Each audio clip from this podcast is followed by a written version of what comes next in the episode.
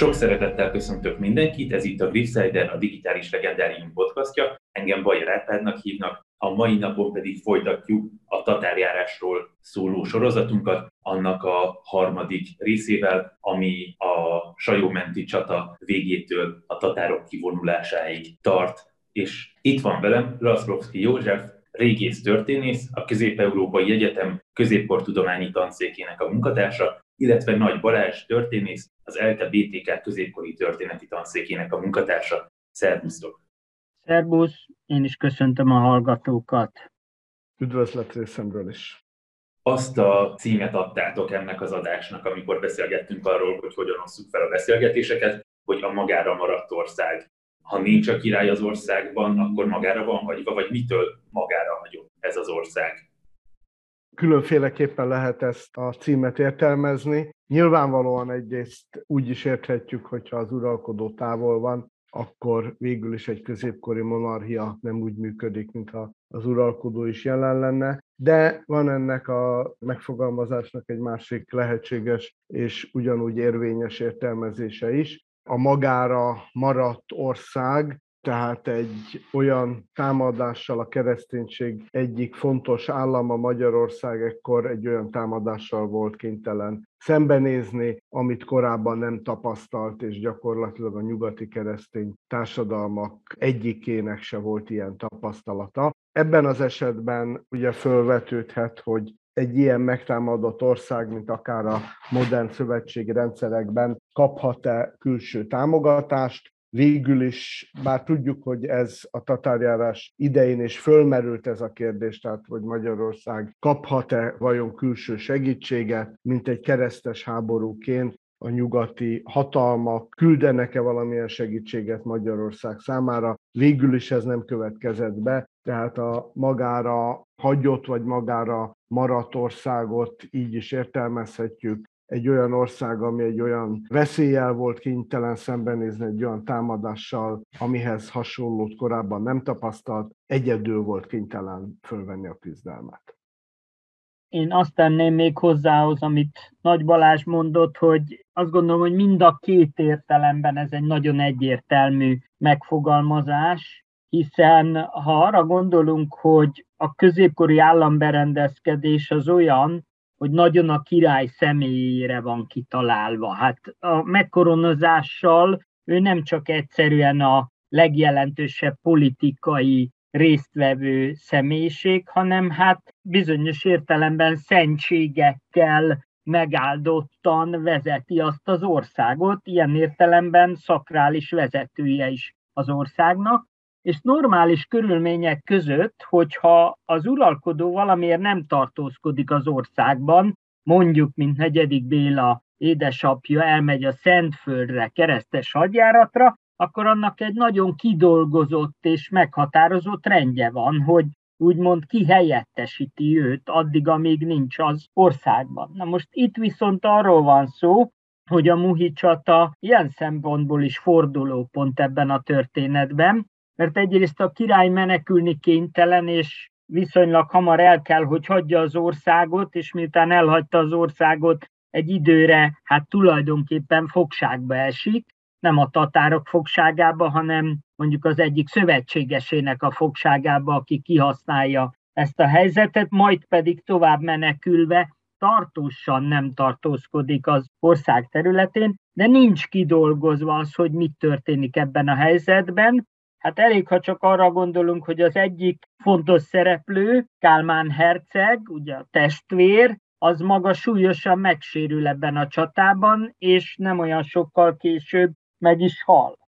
De a Muhi csatamezőn mind a világi, mind az egyházi vezetők közül nagyon sokan ott halnak, tehát arra gondolunk, hogy itt a király körül ugye van egy nádor, van az igazságszolgáltatásnak a vezetője, vannak megyés ispánok, van egy esztergomi érsek, van egy kalocsai érsek, püspökök, tehát számos jelentős politikai alak van, aki egy ilyen helyzetben kaphatja azt a feladatot, hogy úgymond helyettesítse az uralkodót, de ezeknek a főszereplőknek egy jelentős része meghal a csatában, és hát egy az elején biztosan eléggé fejveszett menekülésről van szó, aztán látjuk azt is, hogy az uralkodó távol létében ezt a magára maradt országot próbálja valahogy visszaszerezni. És hát abban az értelemben is valóban magára maradt, hogy nem, hogy külső segítséget nem kapott, ezt egyébként nagyon világosan meg is fogalmazza maga negyedik Béla,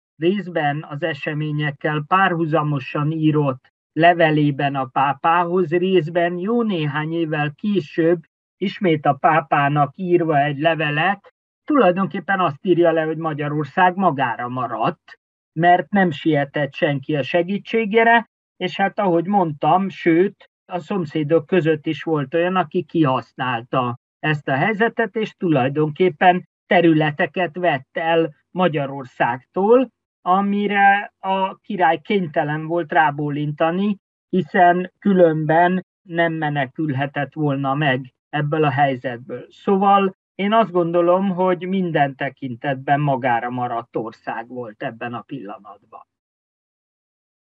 Az, hogy Magyarország nem kap, vagy nem kapott külső segítséget a tatárokkal szemben, az mennyire volt meglepetés, vagy mennyire volt egyáltalán elvárás, hogy kapjon arra is gondolok, hogy a magyar hadjárat előtt környező szintén keresztény országokat támadnak meg a tatárok. Ők kértek segítséget, vagy kaptak segítséget szövetséges vagy európai országoktól?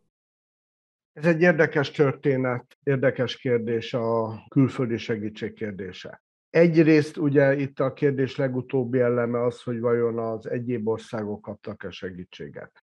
Fontos tudni, hogy a tatárjárás nem csak a magyar történelem egyik kulcs epizódja, nem csupán magyar történeti kérdés, bár pontosan tudjuk, hogy a magyar történeti emlékezetben kiemelt jelentősége van, hanem a környező közép-európai országokat is ugyanúgy eléri, ugyanabban az időben az akkori Lengyelország jelentős területein áthaladnak a tatárok, a mai Szlovákiában, Csehországban ugyanúgy megjelennek, a környező országok közül még jó néhányban ezen kívül eljutnak egészen nyugatra, a mai Németország keleti területeig, Meiszent ostromolják, és természetesen a mai Horvátország területén, Szerbia, Bulgária területén egyaránt végig vonulnak. Tehát itt valójában egy közép-európai történeti kérdésről van szó, aminek persze Magyarország egy kitüntetett szereplője, hiszen a nyugati keresztény területek közül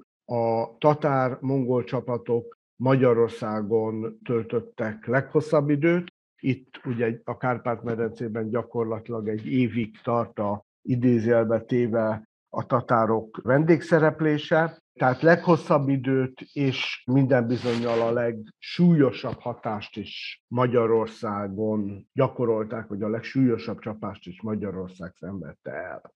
A külföldi segítség kérdése az azért érdekes, mert nyilvánvalóan, ha ezt vetjük föl, akkor abba is bele kell gondolni, hogy kitől lehetett volna segítséget kérni.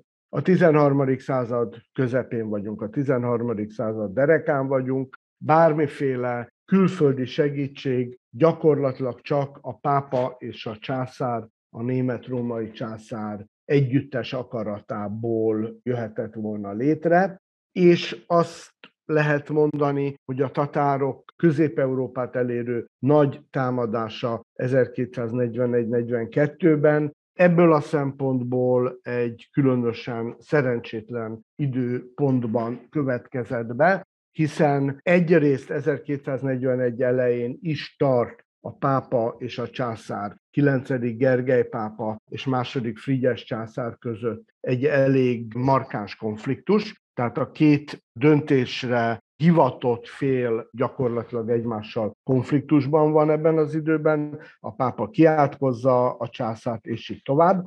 Másrészt pedig a lehető legrosszabb pillanatban 1241 nyarán, 1241 augusztusában a pápa meghal. 9. Gergely pápa, aki egy hosszú és igencsak fontos pápai uralkodási időszak után meghal, utána az utódai csak rövid időre ülnek a pápai trónon, Szent Péter trónján, tehát gyakorlatilag nincs döntésképes, döntésre alkalmas vezetője az egyházi államnak. Egyrészt ez, másrészt a császárság és a pápaság közötti konfliktus együttes hatását kell véleményem szerint abban keresni, hogy ez a külső segítségnyújtás elmarad. Én látok egy másik szempontot, kétség kívül azt gondolom, hogy ez a leglényegesebb, hogy egyáltalán honnan várhatott volna a magyar királyság támogatást, és az előző alkalommal volt szó arról, hogy azt is érdemes figyelembe venni, és ott inkább csak a magyar királyság szempontjából esett erről szó, hogy azért ez a tatár hódítás, ez minden tekintetben példanélküli volt a korábbihoz képest. A léptéke, a szervezettsége, az összehangoltsága, tehát az, hogy egy hatalom egyszerre indítson támadást a régió egyik legjelentősebb királyával szemben, ez Magyarország, ugyanakkor ezzel párhuzamosan ugye a déli lengyel területek, Szilézia, majd annak a lerohanása után tovább haladva Morvaország felé. Tehát, hogy ez nem csak a magyar királyt lepte meg, ahogy erről volt szó, amilyen sebességgel és amilyen erőszakkal és erővel folyt ez a hódítás, a többi területekre is érvényes volt. Kieveleste ugyanilyen megdöbbentő dolog volt, ez szinte elképzelhetetlennek tűnt, hogy egy akkora jelentős központot csak úgy el lehet foglalni, és ezt azért nem szabad elfelejteni. Tehát a segítségnyújtók mondjuk azt, hogy potenciális köre viszonylag kicsi volt, itt a pápaság és a császárság lett volna, ha éppen ők nem lettek volna egymással küzdelemben. És van még egy érdekes szempont ennek a figyelembevételéhez, a tatárjárással kapcsolatban, és főleg negyedik Béla politikája kapcsán sokszor mondhatjuk azt, hogy a tatárjárás utáni cselekedetei sok mindent megmagyaráznak nekünk. Ő képes volt arra, hogy újraértékeljen nagyon sok dolgot, Például azt, hogy a magyar uralkodók hagyományosan, például ebben az észak-keleti, keleti irányba nagyon sokszor hódító politikával léptek föl. Ez a 12. században így volt, ez az apja uralkodása idején volt, tehát például ezek a kisebb orosz fejedelemségek, azok mindig azon a listán szerepeltek, hogy hát azokat úgy el is lehet foglalni, vagy a mi érdekszféránkba lehet kényszeríteni őket.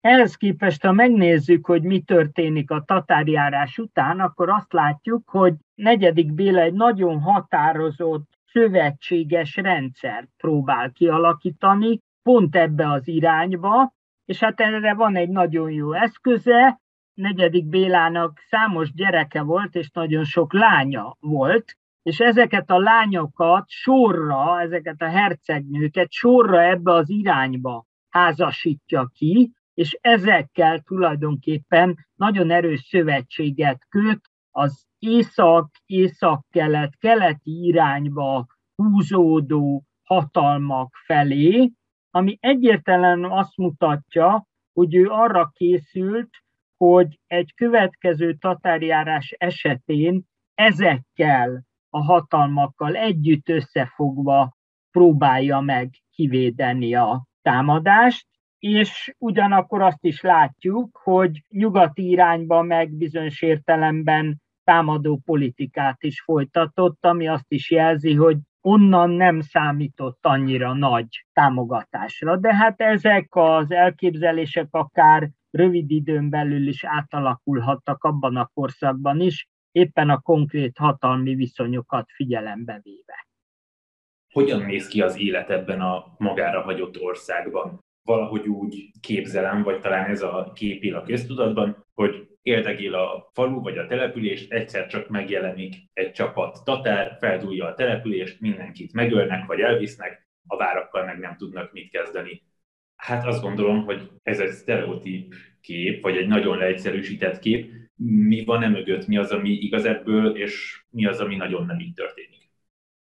Én azzal kezdeném, hogy valóban bizonyos értelemben sztereotíp ez a kép, de ennek van egy oka, hogy mi ezzel a képpel rendelkezünk, hiszen a modern történetírók, történészek, beleértve önmagunkat is, ugye a forrásokra tudunk építeni. És ha elolvassuk ezeket a korabeli beszámolókat, és itt ez egy nagyon lényeges dolog, hogy mi az Árpádkori történelem kapcsán mindig arról szoktunk beszélni, sajnálkozni, hogy mennyire kevés forrásunk van, írott szövegünk van. Hát itt ez nem igaz, mert itt lényegesen több van, mint ami szokott lenni, mind hazai, mind pedig külföldiek, tehát egy nagy körből válogathatunk bizonyos szempontból, hogy miről van szó, és nem csak az eseményeket leíró nevezzük azt krónikáknak, vagy siralmas éneknek, hanem akár későbbi okleveleket is bevonhatunk, amikor arról van szó, hogy évekkel, akár évtizeddel később valaki kap egy birtokadományt, éppen azért, mert hősiesen küzdött a tatárjárás idején.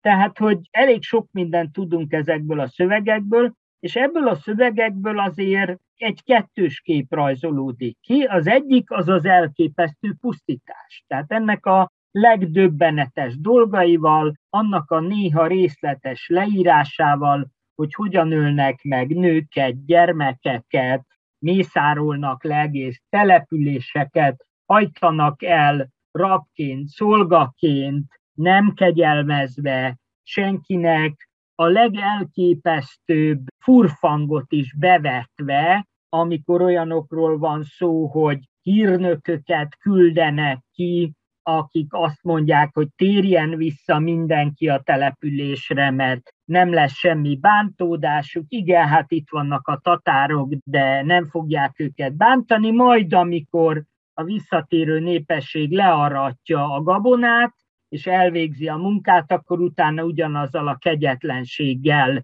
öldöklik őket, veszik el az állataikat, a termést, és hasonló, vagy akár megszerezve a király pecsétjét, ami ott marad a csatamezőn, azzal megfelelő dokumentumokat állítanak ki, amit szétküldenek az országba, mint hogyha az a királytól érkezne, és ezt is kihasználják és hát elkezdnek berendezkedni ezzel a, hát mondjuk azt, hogy keleti típusú brutális hatalom gyakorlásra épülő rendszerbe. És ezekről nagyon sok mindent leírnak ezek a szövegek, és azt kell mondanunk, hogy az utóbbi időszakban ez az elmúlt húsz évnek talán a legnagyobb régészeti eredménye, sorra kerülnek elő azok a régészeti lelőhelyek, ami ennek a konkrét bizonyítékát mutatja meg. Tehát amikor egy településen, mondjuk egy árokban, ami a településen belüli árok volt azért, hogy állatokat elrekesszenek egymástól, vagy területrészeket elkülönítsenek, hullák fekszenek, mondjuk azt, hogy a régészeti feltárás nyomán azt lehet gondolni, hogy temetetlen hullák feküdtek ott hosszú időn keresztül, akiket ennek az ároknak a szélén ülve gyilkoltak le, hogy ezt leírja az egyik korabeli forrásunk. Tehát egyrészt ez egy valóságos kép, ebben nem kell látnunk a krónikaíróknak a egyébként sokszor előforduló túlzásait. Viszont az is világos, és erről tulajdonképpen az írott források egy kicsit kevesebbet mondanak, hogy nem mindenhol ez zajlott le.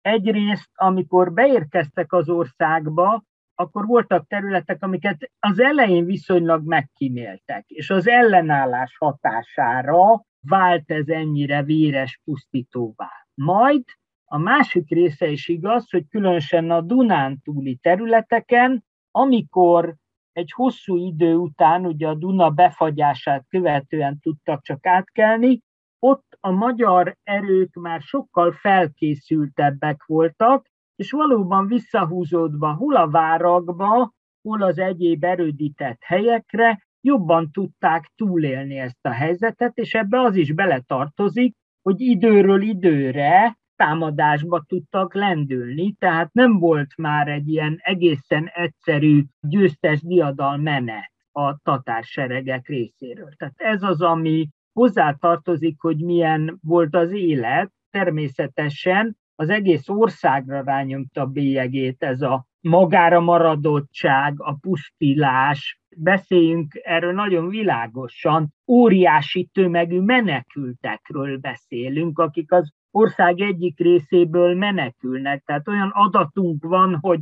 mondjuk egy Erdélyből elmenekült pap aztán Bécsbe érkezik meg, és ott is marad, vagy jelentős pályát fut be később, de őről tudjuk, hogy ő egy Erdélyből a tatárok elől elmenekült pap. Nyilván sok-sok más ember is menekült, csak azokról sokkal kevesebbet tudunk, és ezt azt is jól tudjuk, mert a második tatárjárás idején, 1285-ben is arról szólnak a szövegek, hogy például a Dunai révátkelő helyeknél olyan tömeg volt, hogy nem bírtak átkelni, mert mindenki menekült az ország keleti feléből. Tehát ez is része a valóságnak, ezt sem szabad elfelejteni. Egyébként egy jeles amerikai történész volt az, aki egyébként a magyar történelemmel és a tatárjárással is sokat foglalkozott, James Ross Sweeney, aki erről külön tanulmány írt, hogy itt milyen léptékű menekülési hullámról beszélhetünk ennek kapcsán. Egy-két megjegyzés még ehhez a kérdéshez, ha szabad hozzátenni. Ugye itt beszéltünk a mészárlásról, a hihetetlen mértékű és léptékű mészárlásról. Ennek több oka is van, nem szimplán az, hogy a tatárok vérszomjasak. Természetesen ez is hozzájárulatott a dologhoz. Egyrészt a tatárok nem voltak fölkészülve nagy mennyiségű fokoly tartására, őrzésére, mozgatására, és így tovább. Tehát gyakorlatilag az ellenség az elfoglalt területeken a jövőbeli leendő ellenállás kiiktatásának leghatékonyabb módja az volt, ha az ott talált népességnek minél nagyobb részét kiírtják másrészt pedig a félelemkeltés. Ha a híre eljut az egyik településről a másikra, hogy ott bizony mindenkit az utolsó szár emberig meggyilkoltak, akkor föltehetően a még tatárok által el nem ért településen is ez félelmet fog kelteni, és a tatároknak ez a kegyetlen híre, ez elterjed, és ez segítheti őket a céljaik megvalósulásában.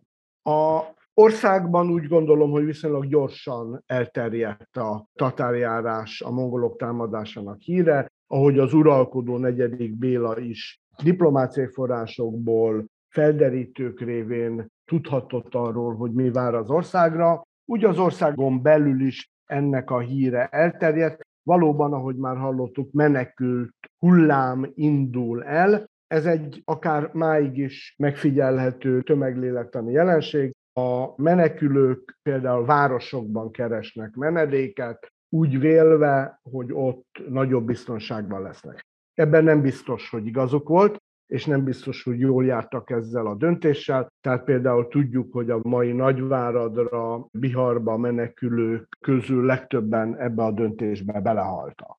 A másik, amit itt a pusztítás mértékéhez tudni kell, ugye ahhoz, hogy egyes településeket, az ország lakosságát hogy érinti a dolog, az, hogy óriási helyi különbségek vannak.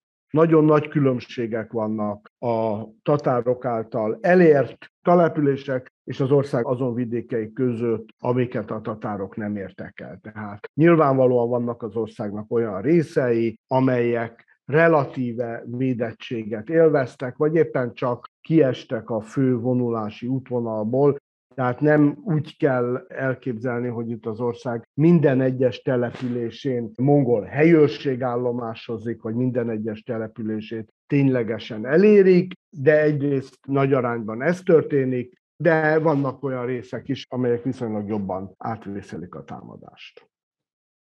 Szó volt arról, hogy a király nevében is adnak parancsot a tatárok, meg arról, hogy a várak megmaradnak, de a városok nem.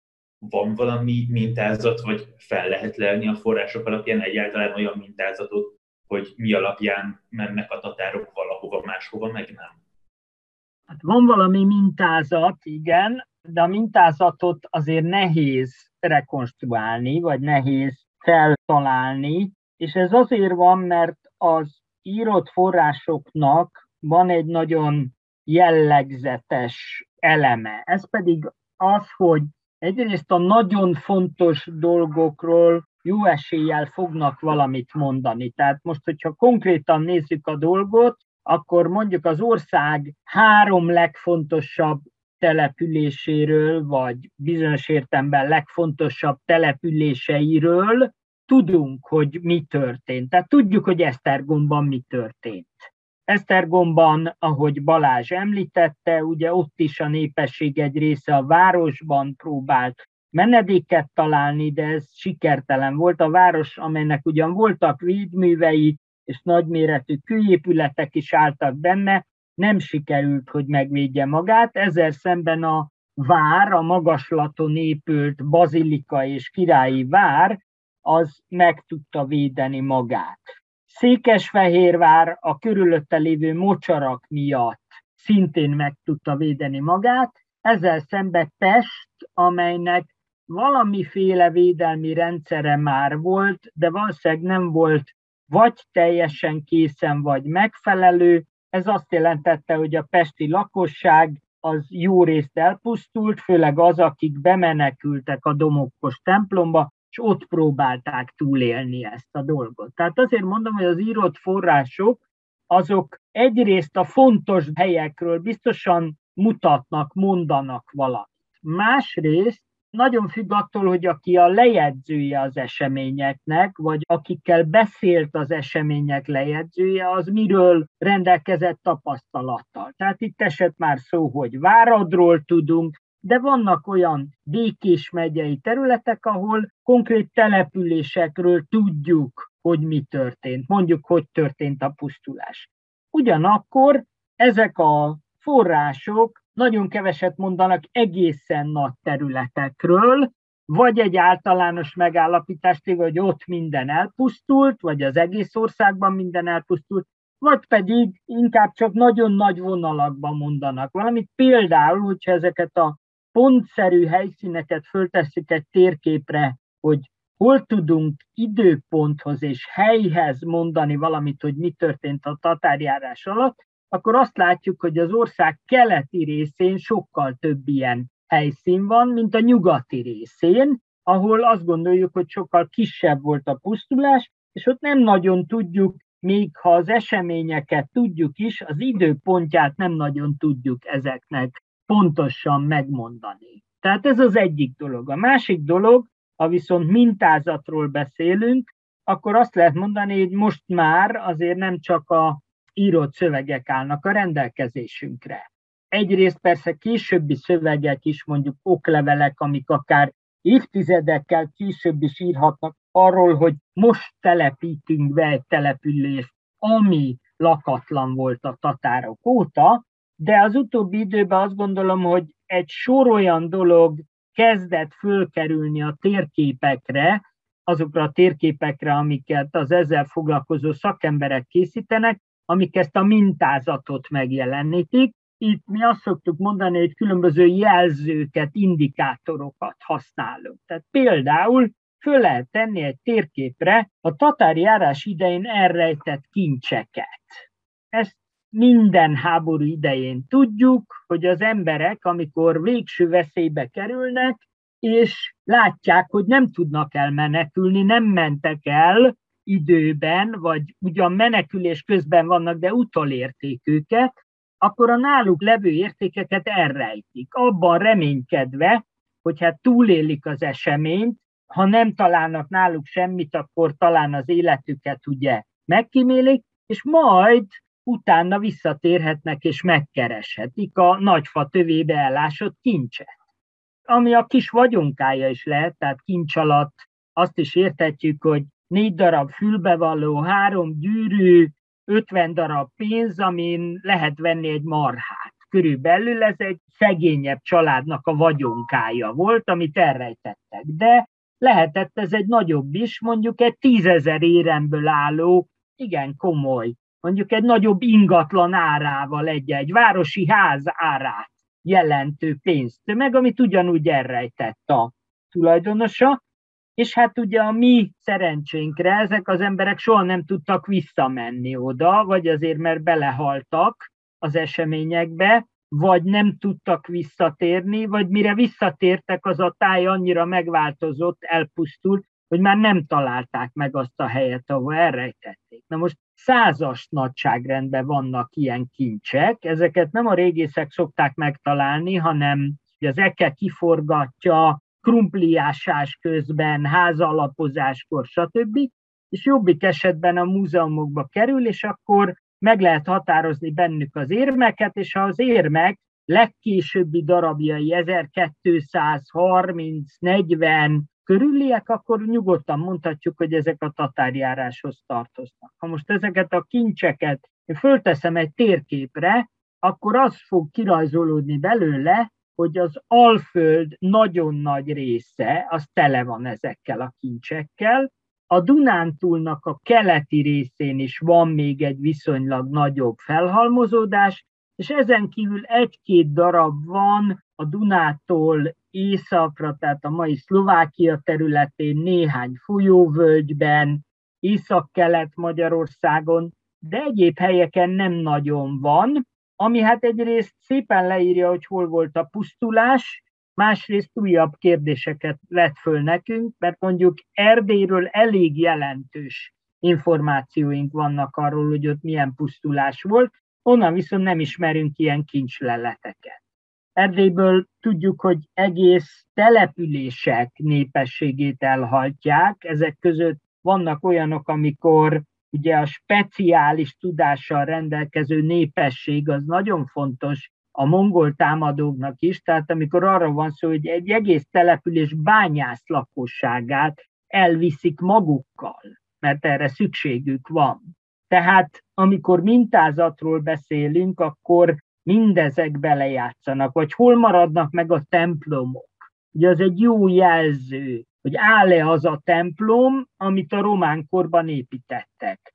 Ahol nem áll, az persze nem azt jelenti, hogy ott a tatárok pusztítottak el mindent, mert az is lehet, hogy 200 évvel később pusztították el őket, de ha van egy régió, ahol nagyon sok románkori templom áll, és úgy látjuk, hogy nagyjából épségben, akkor el kell rajta gondolkozni, hogy ez a terület vagy van róla írott adatunk, vagy nincsen, de valószínűleg elég jól vészelte át a tatárjárást. Egy adalék még ehhez, ha azt keressük, hogy mi volt a tatároknak az országban való mozgásának, előre nyomulásának az oka, mintázata, akkor van egy nagyon magától értetődő szempont, az uralkodó üldözése, negyedik Béla üldözése. Ugye az már a mongoloknak más országok meghódítása során a mongolok hadviselésének állandó része, hogy az uralkodót, a katonai és politikai vezetőt igyekeznek megölni. Lengyelországban, ugye a Legnicai Lignici csatában második Henrik herceggel ezt sikerült is megtenni. Magyarországon a Muhi csatában negyedik Bélával nem sikerült megtenni. És ez mindenképpen korlátozottá teszi azt a katonai győzelmet, amit a mongolok Magyarországon arattak, tehát az országban gyakorlatilag ellenállás nélkül, vagy kevés ellenállással, és nem igazán sikeres ellenállással szembenézve előre tudnak nyomulni. A Duna vonal egy ideig feltartja őket, majd tovább tudnak menni Dunántúra, nyugatra, de a mérleghez az is hozzátartozik, hogy az uralkodó negyedik Béla túléli. És az ő elfogása az gyakorlatilag a sajómenti muhi csata másnapjától kezdődően egyértelműen a mongol katonai vezetése egy célja volt, hogy az uralkodót el kell ejteni, nem fogságba kell ejteni, hanem meg kell ölni. És ezt látjuk is, hogy természetesen nem az egész tatár sereg, de egy kisebb, nyilvánvalóan nagyon gyors mozgású osztag üldözi negyedik Bélát egészen a dalmáciai menedékéig, és aztán ez már a körülményeknek legalábbis a negyedik Béla szempontjából szerencsés kimenetele, hogy végül őt nem sikerül elejteni, nem sikerül fogságba vetni. Tehát a fősereg mozgása mellett ezt is figyelembe kell venni. Ez a nagyjából egy év, amíg itt vannak a tatárok, ez egy olyan esemény, amire nagyon hosszan vagy nagyon régóta emlékezünk, és azt gondolom, hogy nagyon nagy hatása van a kollektív emlékezetre mindenképp. A társadalomra, az országra hogyan hat ez az egy év közép és hosszú távon, évtizedek vagy akár évszázadok távlatából? Ez egy nagyon érdekes kérdés, mert valóban egyrészt van egy ilyen nagyon erős emlékezet. Tehát a népi emlékezet, a magyar történeti emlékezetben ez a tatárjárás, ez borzasztó erősen benne van. Ugyanakkor azt érdemes figyelembe venni, hogy különösen a népi emlékezetnek, vagy annak kapcsán, tehát az, hogy vannak helyi népmondák, vannak különböző történetek, a tatárvész az egy olyan fogalom, amit korszaktól függetlenül tulajdonképpen használnak. Azt azért érdemes figyelembe venni, hogy itt ennek a fennmaradásába két dolog mindenképpen belejátszik. Az egyik az az, hogy itt későbbi tatárvészek is voltak, ami a magyar köztudatban ugyanezzel a társasággal kapcsolódott össze, hát akár a második, úgynevezett második tatárjárás, amely 1285-ben volt, akár a 14. század, a Magyar Királyságnak a 14. században a tatárokkal vagy a tatárokkal szövetségben lévő erőkkel folytatott küzdelme, de ennek van egy egész kései vonulata is, ami az oszmán-török birodalommal függ össze, amely szintén használt, felhasznált tatár seregrészeket. Ez nem teljesen ugyanaz a tatárság, most ebbe itt nem tudunk belemenni, mert ez egy hosszú történet lenne, de például az Erdélybe betörő és ott pusztító 16. 17. századi katonai erők egy része az tatár volt tulajdonképpen, és ezért ez a tatár vész emlékezete, ez nagyon erősen megmaradt és fennmaradt. Amihez azt is hozzá lehet tenni, hogy a tanult történelem, tehát azért történelmet iskolában azért régóta tanítanak, tehát ez nem csak egy 19.-20. századi dolog.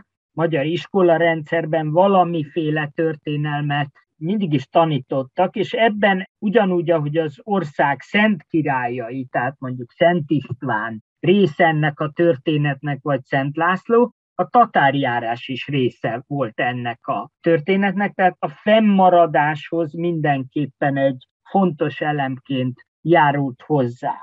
Tehát ez az egyik, amit azért a történelmi emlékezet kapcsán érdemes megjegyezni, hogy ez egy sok rétegű dolog. Na most, hogyha azt akarjuk nézni, hogy mi is lehetett a következménye, ez egyébként pontosan egy olyan kérdés, amivel a mi mostani kutatási programunkban nagyon sokat foglalkozunk a rövid, közép és hosszú távú következmények, amelyek között néhányat jól ismerünk. Tehát mondjuk a kunok betelepülése, vagy a várépítési hullám, amelyek kétségkívül létező elemei voltak ennek, de vannak olyanok, amikről kevesebb szó szokott esni, és összetettebb. Én ennek kapcsán Szűcs Jenőre hivatkoznék, aki a korszaknak az egyik legnagyobb történésze volt a 20. század második felében végében, aki azt mondta, hogy a tatárjárás az nagyon sok társadalmi és gazdasági folyamatot felgyorsított.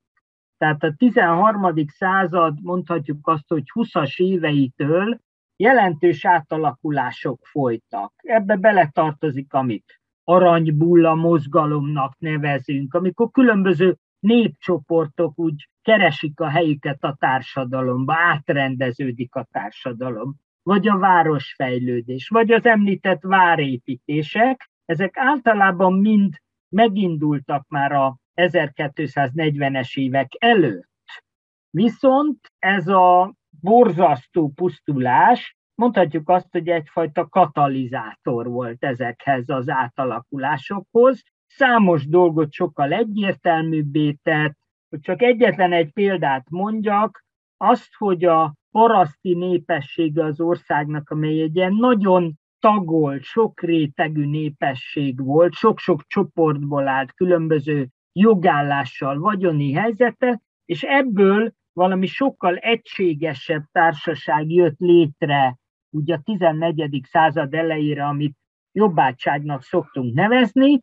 Ez a társaság, ez kétség kívül sok tekintetben jobb helyzetű népességet jelentett, a jogait, a szabadságait tekintve, mint az előző korszak számos paraszti népcsoportja. És ebbe az is belejátszott, hogy itt egy ilyen óriási káosz helyzet van, ahol például területek elnéptelenednek, ahova be kell hívni embereket, ahol a szomszéd földesúr elcsábíthatja a másik településen esetleg túlélő csoportot, és nyilván jobb kondíciókat kínál neki, és ez az egész egy társadalmi átalakuláshoz vezethet. A tatárjárásnak nyilvánvalóan sokrétű hatása volt. Volt egy, ami már a tatárok kivonulása után a következő évben tapasztalható volt, ez egy csúnya nagy éhínség volt. Ugye a források azt írják, hogy a tatárjárás után, miután a hadviselés idején a földművelés nem úgy zajlott, mint korábban, egy nagy éhínség tört az országra, ami legalább annyi áldozatot szedett, mint maguk a katonai események. Ez az egyik része, ez a legközvetlenebb hatás. Ugyanakkor azt gondolom, hogy másnap, miután negyedik Béla hírét vette, a tatárok kivonulásának elkezdett fölkészülni a következő hadjáratra. Akkor emberre biztos volt benne, hogy ez csak az első, és nem is a legsúlyosabb támadás volt, hanem ahogy például az orosz területeket a tatárok gyakorlatilag hatalmuk alatt tartották, úgy ez az 1241-42-es hadjárat is. Csak az előkészítése volt egy későbbi nagy területfoglaló hódításnak. Tehát nyilvánvalóan leegyszerűsítve, de azt gondolom, hogy azt lehet mondani, hogy negyedik Béla politikája a tatárok kivonulása után politikáját nagy részt az mozgatta, hogy mindent megtegyen azért, hogy egy következő támadás esetén az ország felkészült legyen a támadás kivédésére. És nagyon sok mindent ennek rendelt alá, korábbi politikáját is revideálva. Ugyanakkor ezt nem csak magyar történeti szempontból, hanem egy regionális vagy geopolitikai szempontból is lehet vizsgálni a 13. század második felének a változásait, és itt azt látjuk, hogy Magyarország geopolitikai helyzete gyökeresen átrendeződött ebben az időben. Ennek az egyik első eleme, ami nem írható a tatárok rovására, hanem egy egészen másfajta katonai esemény következménye volt. 1204-ben ugye a negyedik keresztes hadjárat során Bizánc elesik, a keresztesek feldúlják, és ezt követően a korábbi fényét, korábbi befolyását nem nyeri sose vissza. Tehát az egyik olyan nagy hatalmi tényező, amihez Magyarország a 11-12. században igazodott, Bizánc lényegesen meggyengült hatalommal rendelkezett csak ezek után. A másik ilyen, amiről már volt szó, Kiev eleste 1240-ben. Kiev kulcsfontosságú és a kievi rusz kulcsfontosságú hatalmi tényező volt a magyar politika szempontjából. 1240-ben Kiev ugye a mongol hódítás áldozata lesz, és a mongolok elfoglalják egy véres ostromot követően. Ez a két tényező azt hiszem gyökeresen átértékeli Magyarország helyét a régióban, pont a már említett Szücs Jenő fogalmazza meg, hogy Magyarország a kelet-európai világrendszer egyik legnyugatabbra lévő periférikus országából a nyugat-európai világrendszer keleti perifériájává válik. Tehát az igazodási pontok a magyar uralkodó számára és a magyar politika számára megváltoznak, és radikálisan eltolódnak keletről nyugatra. Nagyon sokrétűek azok a változások, amik bekövetkeznek. Ugyanakkor arra is érdemes fölfigyelni, hogy negyedik Béla nem sokkal a tatárok kivonulása után már aktív külpolitikát folytat. Ausztria irányába aktív külpolitikát folytat közép-kelet-európai térségben, tehát azt feltételezhetjük, hogy egy nagyon hirtelen és nagyon erős pusztulás után az uralkodói hatalomnak és az országnak egy relatíve gyors regenerálódásra következett be, hogy ezt mit tette lehetővé, és miért volt így, az egy hosszú kérdés. Beszéltetek arról, hogy vannak olyan pontok, ahova tatárok nem jutnak el, és utaltatok rá, hogy itt volt valamiféle ellenállás. Kik azok, akik ellenállnak a tatároknak, hogyan szervezik meg magukat, és mitől tudnak sikeresek lenni közel egy éven keresztül? Az ország földrajzi környezeti adottságai tekintve nagyon heterogén. Bizonyos részei nehezen megközelíthetőek, nehezen elérhetőek még az utazók vagy a kereskedők számára is, hát még egy vonuló hadsereg számára. Tehát az, hogy bizonyos területek inkább mentesülnek, az részben ennek is a következménye. Az ellenállás az lokális és ideiglenes volt. Tehát nem úgy kell elképzelni, illetve azt nem lehet feltételezni, hogy bizonyos ellenálló gócok több hónapon keresztül kitartanak az őket intenzíven ostromló tatárok nyomásával szemben, hanem föltelten sokkal inkább arról van szó, hogy a tatárok adott esetben vagy kikerülnek egy-egy pontot, vagy egyszerűen nem állt érdekükben egy hosszú ostromba, vagy egy hosszú támadásba belefogni, Föl lehet tenni a kérdést, hogy vajon volt-e reális esély az ellenállásra. Én azt gondolom, hogy ahogy a környező országokban, amiről már beszéltünk, Lengyelországban, Sziléziában, Morva területeken is a tatárok gyakorlatilag ellenállás nélkül végig tudtak vonulni, úgy Magyarországon se nagyon lett volna esély egy hosszú ideig kitartó fegyveres ellenállásra a mongolokkal szemben. Ennyi. A záró kérdésem hozzátok a tatárjárással kapcsolatban. Mi történt itt 1242 elején? Miért vonultak ki a tatárok Magyarországról? Én azt gondolom, hogy erre a kérdésre a legnehezebb a választ megadni, és főleg úgy a legnehezebb a választ megadni, hogy egyetlen egy választ kéne adni. Ha megnézzük azt, hogy akár a történet tudomány, akár régészet, más területek, és itt nem csak a hazaiakról gondolkozunk, mert ez egy olyan kérdés, ami a nemzetközi kutatást is régóta foglalkoztatja, akkor hosszú időn keresztül azt látjuk, hogy egy válaszban kereste a kutatás a megoldást. Hogy ez miatt vagy amiatt. Volt például, ugye egy közkeletű vélekedés volt az, hogy hát a nagykán meghalt, ez egy történeti tény, és ennek a híre, persze néhány hónapos késéssel eljutott a birodalom központjától, ugye ez Karakórum, a mai Mongólia területén van, attól sok ezer kilométerre harcoló tatár seregekhez, Matukánhoz, Kadánhoz, más vezérekhez, és ők ebben a hagyományos magyarázatban az volt a mondás, hogy rögtön úgy döntöttek, ez a gyors kivonulás oka, hogy vissza kell fordulni, mert hát a nagykán választásán részt kell venni, hát egyrészt némelyeknek voltak káni elképzelései önmagukról, mások pedig hát nem akartak kimaradni ebből a hatalmi osztozkodásból. Csak hát ezzel a magyarázattal nagyon sok baj van. Hát az egyik baj az, hogy az az idő határ, amit itt felrajzoltak, hogy mennyi idő alatt jutott ide el ez a hír, ez szinte lehetetlen. Tehát most már elég pontos számítások vannak erre.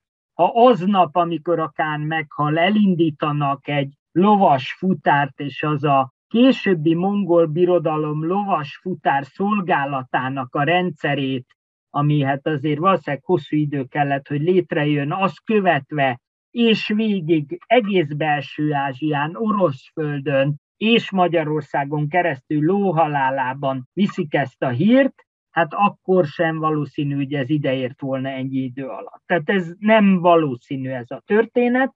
Másrészt, ha még így is lett volna, akkor is azt látjuk, hogy akkor a főszereplőknek ugyancsak lóhalálában vissza kéne érkezniük a mongol központba. Ehelyett azt látjuk, hogy számos jelentős szereplő még akár egy-két évig is, nem Magyarországon, de nem is a mongol hatalmi központ területén tartózkodik, tehát szó sincs arról, hogy ők azonnal visszatértek volna. Tehát úgy tűnik, hogy ez a magyarázat önmagában nem elégséges.